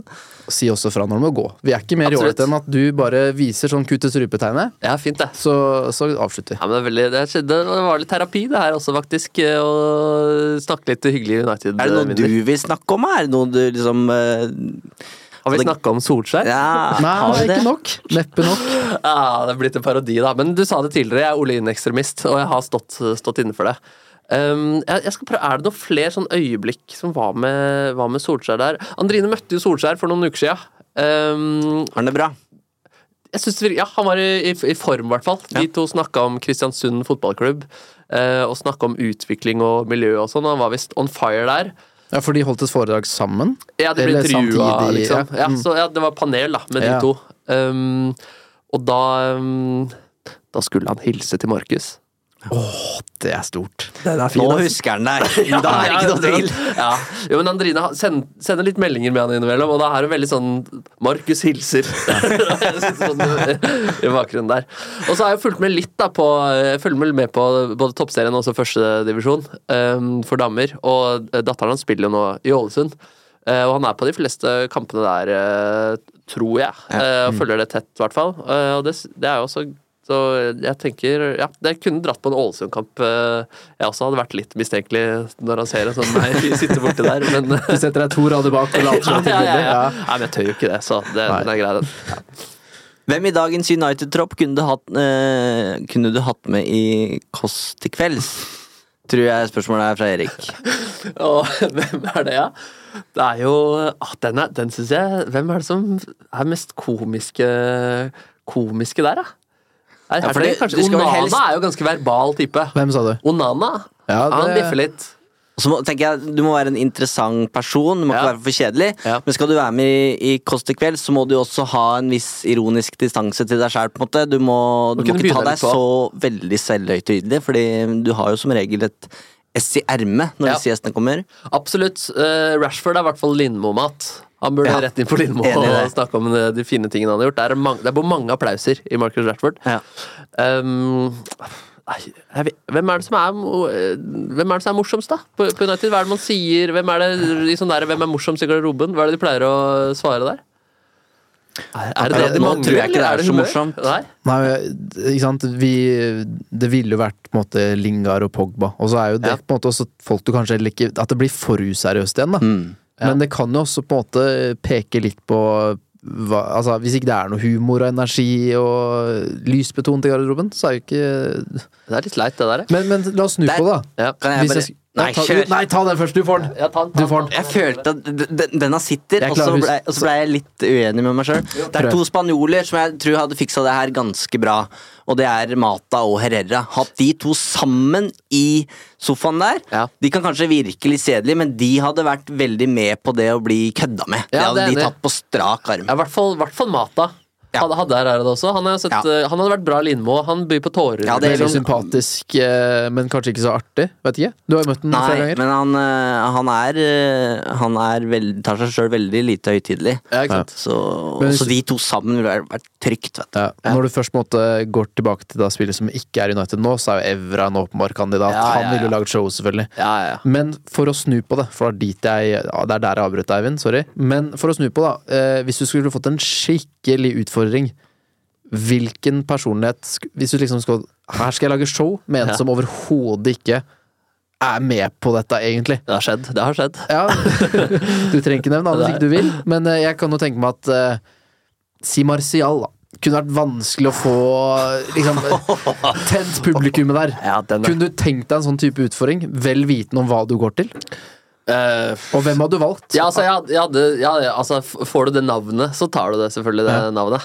Uh, og, og toppidrettsutøvere er jo ofte litt uh, tørre. Ja. Og har liksom Dagene er veldig like, og de er litt sånn trangsynte. Og Mm. det, det er de ofte åpne på sjøl, det er ikke så spennende å fortelle om Mm. det livet her. Men hvis det er på en måte en tørrpinn som ikke kan engelsk Jeg vet ikke hvor sterk Marcial er i engelsk. Nei, nå har han jo Han nærmer seg jo testimonial, Ja, han så han jo bør jo, men uh, Ja, ikke sant? Nei, jeg eh, ja, Jo, jo men jeg syns Marcial er en god kandidat der, jeg. Um, ja. Jeg, jeg, jeg, jeg svarer den, jeg. Ser det var dere som eh, kom med den til bords. Ja. Ja. Men jeg har jo Jeg har jo dekka mm, tennis og intervjua Kasper Ruud. Jeg må si at Du har det? han er jo ekstremt godt oppdratt, og sånn sett kanskje litt Nå sier jeg hermetegn kjedelig for en reporter, for han, han plumper ikke uti. Han gir deg ikke de tabloide vinklene. Men der syns jeg dere var gode, for dere hadde Ja, han på besøk. Ja, absolutt. Ja. Og han har spilt bordtennis med i P- i P3 Morgen også, og, og, og han, er på, han har banteren inne, da. Ja. Så han åpna jo det i til kveld, så satt vi der med Ylvis og Mona Berntsen, danser til Justin Bieber, eh, og sa liksom Jeg syns det er helt rått å være her, jeg òg. Eh, sammen med Else Kåss har jeg sett opp til, Ylvis har jeg sett opp til. Markus, du er her, du òg. Uh, så der hadde han liksom en fin liten eh, i, i toppen der. Um, ja, og han er jo så sympatisk, Mm. Ja, ja. og så får han ikke nok kred for hvor rått det han driver med er. Så bare håper han kommer tilbake på hesten og får inn én Grand Slam i løpet av eh, karrieren sin. Hadde fortjent det. Du hadde vel et stikk til Henrik Elvestad i sofaen der? Stemmer det! Og det er sånn uff, Det var jo, det er jo veldig sånn harry Det var egentlig en sånn ironisk vits, fordi Henrik Elvestad var, er Liverpool-supporter, og så gikk det dårlig, og så sa jeg at Liverpool, du mener vel loserpool? Som er vel den teiteste formen for banter som finnes. Jeg tenkte egentlig sånn saks, saks, saks, dette skal ikke med i programmet. Men, eh, men så var det med i programmet, og dere la det ut på United sin Twitter-konto, og det gikk jo varmt, da. Og folk blir jo ekte sure for de greiene der. Det der er jo sånn, det er utrolig dårlig gjort. det er helt, helt sinnssykt. Åssen tok han den? Eh, Nei, han, han ble jo sur, han òg, da. Han ja, likte det? ikke den, liksom. Nei. Så det er jo liksom man er jo på litt ulike frekvenser som Mm. fan, og jeg har på en måte uh, kanskje en litt den distanse til det. At det er litt mer sånn nostalgi og underholdning nå enn den derre dypeste identitetsfølelsen. James Corden har jo prøvd seg litt eh, inn mot United og gjort, gjort litt eh, greier der. Han fikk jo med seg halve laget med Rio Ferdinand og Wayne Rooney i spissen der. eh, på en sånn aerobic-time. Eh, og da ser du at du virk, de er virkelig med på det. Dette, Ja. dette syns de er stas. Ja. Og ja, jeg tror det er Rooney som nesten Nesten får latterkrampe der, liksom. Så det er veldig gøy. Ja. Og så var det i USA noen år seinere, eller mange år seinere, da hadde han arrangert en sånn fotballkamp hvor Mourinho og et par spillere, det var vel blant andre Herrera, skulle spille mot 100 unger. Ja. Og det krever jo litt. Du skal få tak i da 100 amerikanske barn, og dette her skal eh, passe inn i Uniteds program osv. Og, og så skal de sette i gang, og så nekter Mourinho. Oh ja, han Han gidder ikke allikevel. Han gidder ikke allikevel, Nei. Nei, det er Uff. Ja, jeg kan jo skjønne det på et vis. Du har nok å gjøre. Ja, det var, eh, det var jo dårlige tider da, litt tungt, eh, men han gjorde det til slutt, da. Ah, så han ble med til Så slutt. han var jo også keeper, så han står i mål der. Ai, det, det har jeg ikke sett. Gøy. Og det er selvfølgelig no mercy. Så Mourinho og Mata og Herrera, Herrera vinner jo. De slår jo da disse 100 ungene. Ja, det er helt rått, ass. Nei, det, er så, det er, som også er litt sånn farlig med idrettsutøvere som vil by deg på. Fordi eh, de er jo ikke komikere eller eh, proffe underholdere. Eh, og når de da liksom langrennsjentene skal lage en musikkvideo liksom, er sånn der solbriller og peace-tegn-dans, liksom, så er jo det ofte ikke alltid så behagelig. Eh, men, eh, men, men hyller det. Kjør på. Kjør på. Yes, hvor vil vi eh, Nå har du flere spørsmål på jeg, blokka jeg, di. jeg, eh, jeg lurer litt på um, Klipper dere der, eller kjører dere? nei, nei, nei, vi kjører på. altså. Her skal ikke klippes overhodet Hyggelig med dere som fortsatt er med her. Vi holder dampen i fire timer til. Nei, Fredrik har ofte noen spørsmål på tampen. Jeg har- jeg kjører jeg mitt har- eget. Wolfgang, V, det er det Du skal få ta de. Jeg skal ikke, nye Wolfgang Wales. han skal få holde på uh, sjøl. men uh, Marit Kolby venter utafor her nå, så kommer det uh, greier. Hvor lenge holdt vi på med det, det, Vi har jo hatt Bredeli på besøk òg. Det kommer en episode med han. Eh, vi, må, vi må slå den. Da, da skal vi holde på noen få minutter til. Bare, Hvor lenge var, hvor lenge var Bredli? Ja? 1,24, eller? Ja, ok. Ja, ja. Jo, men da, vi slår den. Vi slår Ja, den. vi er på 1,18 nå. Ja. Så vi, vi kommer i mål. Det jeg lurer på, fordi er det noe som alltid selger rått, så er det overgangsrykter. Ja. Hvis eh, det skjer aldri så veldig mye i januar. Hvis vi går til sommeren da, 2024. Ja. Hvilke tre, eller hvilke spillere står øverst på din blokk, hvis du skal drømme deg bort litt? Oi. Um, oh, det er, ja, det, det er vanskelig, altså. Det er jo Det, det kommer litt tilbake til det jeg var i stad. Sånn der, hvem, hvem vil jeg egentlig ha ut? Um, det er jo veldig sånn komisk at uh, både Maguire og McTominay ble sendt ut, og så er de en av de beste spillerne denne, denne høsten her, liksom. Um, um, nei, er, jeg, jeg er ikke noe Jeg har ikke noe Jeg har ikke noe Jeg, ikke, jeg, jeg har ikke noe ideer. Nei. Eh, Mbappé. Sånn, Ja, er det realistisk, da? Nei, nei, Nei, men hvis du skal drømme deg bort litt, du, hadde, er det en spiller du hadde tatt imot med åpne armer? Eller tenker du Ja, «Ah, ja. stjernekikker»? 100, 100 Ja, ja. Altså, hele topp ti-lista på Ballon d'Or er det bare å få inn på, på United, liksom. Uh, ja, Mbappé um, Ja, nei, jeg, jeg vet ikke. Men det er, et, det er et krevende spørsmål, for det, er, det, det renner ikke over disse store navnene lenger. Nei. Ronaldo og Messi er borte, Neymar er borte. Ja, Det ikke er sant. liksom- Og det er jo det er, det er en sånn litt sånn eh, prime eh. Hadde vært herlig å få inn, liksom. Mm. Eh, jeg vet ikke hva det finnes av gode alternativer nå, jeg. Eh, han som scora mot, mot United nå i, i Champions League Altså Nei, herregud. Harry nei, han- nei, jeg. jeg, jeg, tenkte, jeg tenkte på City, faktisk. Eh, han som skåra to mål mot City der. Det var en liten, en liten luring. Uh, Ja, på ja, Penda. Ja, Eller? ja, ja. Ja, der er du sterk. Nei, jeg vet ikke om han er, om han er spiss engang. Jo da. Eh, Ja, han er det. Han er den nye vinen, han. Ja. Ehm, men hva er det som skjer da med Manchester United? Jeg føler de kan kjøpe Jude Bellingham, ja, og så blir han en middels midtbanespiller, akkurat som det Paul Pogba blei. Ja. Helt sprøtt, sånn har alltid følt det. At United kunne signert Altså, Messi i sin prime, Mm. Så tenkte jeg sånn United kan seriøst kjøpe han der hjørnet til Gråstein. Sånn har det føltes ja, ja. så mange ganger. Men det er jo, det er jo på en måte en klubb i motgang. Da, fordi altså, Alle spillere har jo dårlige perioder, alle spillere har dårlige kamper, og så husker man stort sett de dårlige kampene og de dårlige, dårlige periodene. Og Hvis du er et dårlig lag, eller de, og det ikke er medgang, liksom, så, så blander du dårlig. Og, og vi, Pogba, liksom, på han hadde noen fantastiske eh, øyeblikk, øyeblikk i United også. Noen dritfine mål. Og når, når du liksom ser han drible seg ut uh, uh, fra liksom defensiv midtbaneposisjon og sentrer en perfekt ball, liksom. Det, det var jo helt fantastisk på sitt, på sitt beste der. Så han hadde jo sine øyeblikk, og så var det bare så synd at han var så mye skada, at det var så mye rart, liksom. Uh, og at han var jo verdens dyreste overgang i, den, i den tiden der også. Så det er jo liksom umulig å leve opp til. Og det er jo kanskje det som er problemet med United, det er så stor klubb at folk eh, dømmer deg så hardt og så fort, og så får man ikke tid, eller det er ikke rom for å ha en dårlig, dårlig kamp, da. Jeg har, eh, jeg har et spørsmål til. um, og her får du ikke lov til å svare Ole Gunnar Solskjær. Ehm, og det er jo en krevende oppgave, fordi hvis du skulle lagd en topp tre med de beste managerne etter Ferguson Altså, hvem United. Ja. Hvem er din topp tre Men ekskludert Solskjær. Ja, fordi det, jeg skjønner at han Ja, ville ja. havna på toppen, Ja. så den Ja, er ikke spennende. Så det er eh, to til fire, det er. Ja, jeg, jeg syns uh, det mest lovende fotballen og gøy ja, Louis van Gaal har jeg øverst der. Ja. Og der ble det et, et Han hadde jo vært fin i Nei!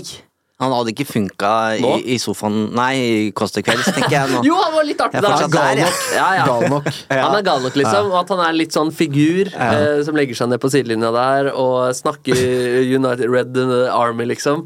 Um, ja, og ja, lovende fotball og tydelig stemme. Eh, virka liksom på en måte en som var riktig til å bære klubben, og så, så gikk ikke det heller i lengden. Mourinho også, da, som får trofeer med en ganske dårlig, dårlig tropp. Um, det rakna jo kraftig der, men jeg syns han liksom må innom mm. topp tre. Um, Da er det Moyes, Den eller Ragnhild da, som venstre, er det ikke det? Men er Ragnhild med der? Han var jo vikar. det, det er jo hvis du, hvis du likte det han sto Ja. for, eller eh, det er, det er jo lite fotball Da tenkte jeg mer om han er eh, han var, vel et. Mm. han var der halvt år. Mer kvalifisert enn Giggs og Carrick, på en måte. Ja, Eh, Men eh, det er mer sånn hvis du, hvis du virkelig hadde et sånn brennende hjerte for Ragnhild, så ville det vært lov å nevne. Men det er jo Ja, jeg syns det var deilig at han melder, da. Mm. at han kommer inn, og at han egentlig på en måte drar opp uh, gulroten ved rota der. Eh, så kunne, men han fikk jo ikke utreda en dritt, da, han var helt åpenbar feil uh, når han kom inn da han gjorde.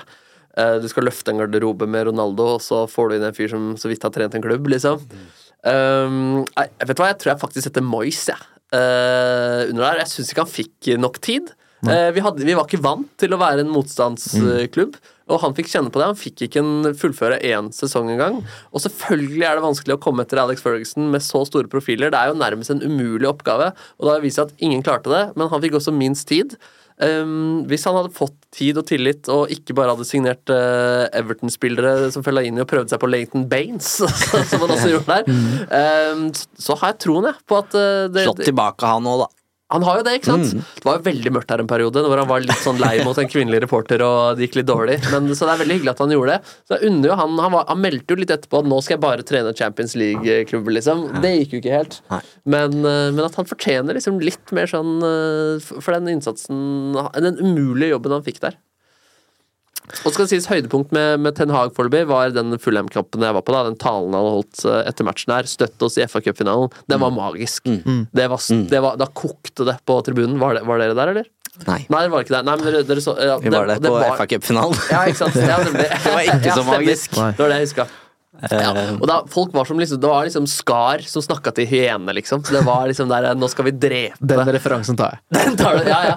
Og det var, det var, det var så Det var sterkt og magisk. Og da var det liksom Dette, dette går, liksom. Nå Det var litt karisma der likevel. da var det karisma der. Ja. Og, men jeg synes, altså, han har sin karisma. Det er bare at akkurat nå så synes jeg ikke Så har han ikke så mange strenger å spille på. Mm. Og denne harde tonen nå syns jeg ikke kler situasjonen, og det virker ikke som han når gjennom garderoben med den heller, så han må, han må finne ut av det. Og så er han jo den personlighetstypen han er, liksom. Mm. Eh, Solskjær var kanskje for mild, Ten Hag er kanskje for, for hard, liksom. Mm. Hvem, hvem vet? Det er jo ingen som har klart det uansett. Det er ikke det. Dette var veldig hyggelig. Jeg synes dette var en meget bra julekalendervariant. Ja, bra. Selv om vi ikke åpna noen luker. Men eh, ja, hvis vi åpna noen luker, så var det Solskjær bak de fleste av dem. Men det Som seg hør og skulle være på dine premisser. Ja, det er koselig, da, herregud. Det var, det er jo ikke, jeg kunne hatt noe med Ronny Johnsen her òg, vi litt sånn tilbake til mimring. Så dere det klippet av Det blir en annen episode. Det blir Ja, Ronny Johnsen-episoden. Ronny Johnsen spesial. Ja. ass. Dere må ha han i studio. Det må vi. Det skal vi ha nå. eh, Vi har eh, planer. Det, det er litt meget å gjøre om dagen. Det skjønner jeg, det skjønner jeg. Ja, du kjenner deg igjen, håper jeg? 100% Men Ja. altså Nevland-historie Det er jo litt sånn melkekartonghistorie som kom til United der og fikk Ja, trene med laget han heide på, og valgte heller det framfor eh, en annen klubb han kunne gått i. på en måte Jeg har vært gjest da Eivind Holt, vår egen Eivind Holt, hadde Erik Nevland på scenen på Crown Plaza. Så um, det vi ønsker selvfølgelig tidligere United-spillere. Ja, det er helt For du kjører det intervjuet denne gangen. Da har dere på en måte en felles historie. Ja. Så dere det når eh, Ferguson ble spurt om av Gary Neville hvem han mente var mest undervurderte United-spillerne? Da sa han blant annet uh, Jisung Park og, og Ronny Johnsen. Ja. Og det han sa som var likt da med de to, var at eh, de, de kunne sette en eh, De kunne frimerke en spiller, og så var det problemet løst. Så, eh, og Jisung Park han, han angra på at han ikke lot Eller at han ikke kunne eh, frimerke Lionel Messi i Champions League-finalen. Da tror han at det hadde vært eh, løst. Implisitt. Ronny Johnsen hadde tatt ut Messi også Ja, i, riktig, ja. i den finalen. Ja. Det er et veldig godt intervju. Det er Gary Neville og Ferguson som vel har en samtale, egentlig. Så søk opp det hvis dere trenger eh, Som ditt tips var, Markus. Se, Ja. se litt tilbake i tid isteden. Ja, ja, ja, For å grave seg ned. ja. Eh, vi ses på Crossbar Challenge Det gjør vi. til sommeren. Spennende. Eh, Ja, nå har du tvingt den til deg, så nå, har, nå kan jeg ikke si noe annet. Det blir, det blir hyggelig. Ja. Og så er du jo sterk på mange ting, Markus, og spesielt i Instagram-feeden din så har du jo Du, du mekker en del låter også, og låter og sånn. Jeg ønsker meg en United-sang. Trenger ikke nødvendigvis å legge den ut til alle, men hvis du kan sende Uno en United-låt en gang du liksom er litt Ja, du er ofte i kreativt humør, da, men at det også er litt sånn United Du er på en litt sånn United-sky. Ja. Det er gøy. Ja, da kjører en og en halv times pod, og så skal dere ha låt i tillegg. her, her tar man eh, lillefingeren og tar Faktura sendes til- Det er vårt julegaveønske. Ja, men den er fin, den. Jeg skal, jeg, skal, jeg skal tenke litt på den. Ja. Og, og så skal du få en til. En, eh, en lekse til her. Ok. Nei, uh, Dette er jo hedersgjestspalten vår, så vi pleier jo å bruke muligheten til å spørre deg hvem syns du Mm. bør sitte i stolen du nå sitter i, når vi skal ha neste hedersgjest på besøk. Um, ja, gode United-supportere. Uh, Asbjørn Slettmark. Han er god til å, god til å snakke United. Uh, Han, eh, han har sagt at han skal bli med Ja, eh, når det- han flytter hjem fra USA. ja, kjempegode nyheter. Så det blir Den får du høre. Ja, det får jeg høre. Eh, ja, dere har hatt Fladsetten, han er jo en eh, klassiker. Uh, er, det, er det rom for folk som ikke heier på United og sånn etter hvert, da? Nei, det er, det er ikke det. Ja, det er en, en United-link der, hva, var det Ja. du tenkte på nå? Nei, egentlig bare for å åpne slusene. Eh, Ken Vasenius Ken Vasenius Nilsen Han uh, har den beste United-podkasten. Å, sier du det? Nei, jo, men han er altså drit- dritgod til å snakke United. Da, og En av mine sånne favorittstemmer på både P1 og for så vidt i podkast også. Meget dyktig mann. Absolutt. meget- Absolutt. meget dyktig. Vi har jo vært uh, jobba tett med Ken. Vi har vært i, i samme univers, vi, og er fortsatt gode kompiser. Så Har du invitert han i studio? Nei, det har vi ikke. det, Det Nå er jo han programleder for en annen United-pod, Ja, så ville det vært litt litt rart, kanskje. Men uh, jeg skal ikke ta noe som helst fra, fra Ken i det hele tatt. En meget bra mann. Eh, Henning Berg også, da. Få han inn, da. Ja. Berg, Johnsen, Solskjær, Nevland, de skal inn. Vi har også lyst til å få besøk av Bojan. Um, Etsa Susain, Mats Møller Dæhlie, Ja. Wolf Eikrem. Eikrem, Ja. Joshua King. Ja. Lista er lang, altså. Har, men har dere forespørsel hos uh, flere av disse eller? Eh, det, det, det ligger det, Hvis de sjekker innboksen sin, så ligger det Ja. noen forespørsler hos de fleste. Eh, Ja, ja. Og så er de travle menn med en eh, hverdag som er hektisk, med både barn og fotballtreninger og kamper, så vi har forståelse. Og så hadde det vært veldig stas da om de også hadde lyst. Kan ikke Så- du få inn noen av de uh, United-kildene dine? Altså agentene til Sancho, eller hvem, hvem det er, liksom? Få inn noen av de. eh, Blåse, blåse noen kilder. og- Blåse noen kilder. Høres populært ut. Høres veldig bærekraftig ut. Ja, det syns jeg vi skal gjøre. Hva er hjemmeleksa vår, Fredrik? Det er å lage, Dere skal også lage en United-sang. Oh. Det vil du ikke. Tro meg, min gode mann. Hvis dere skal begynne på noe rim, da, så kan jeg legge melodi til. Så er det et lite samarbeid.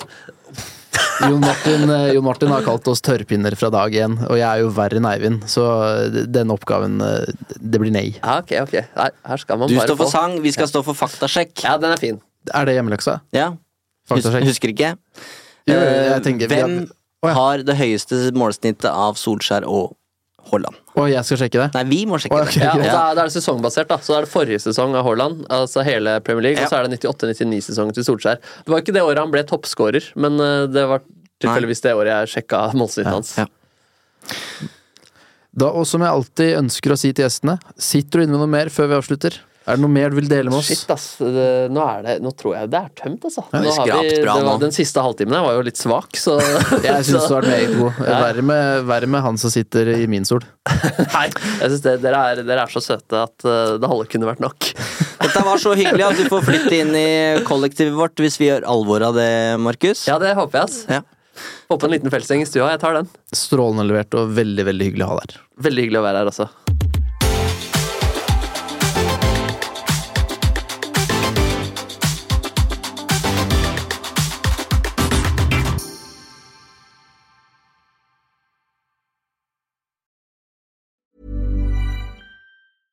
Even on a budget, quality is non-negotiable. That's why Quince is the place to score high-end essentials at 50 to 80% less than similar brands. Get your hands on buttery soft cashmere sweaters from just 60 bucks, Italian leather jackets, and so much more. And the best part about Quince, they exclusively partner with factories committed to safe, ethical, and responsible manufacturing. Elevate your style without the elevated price tag with Quince. Go to quince.com slash upgrade for free shipping and 365-day returns.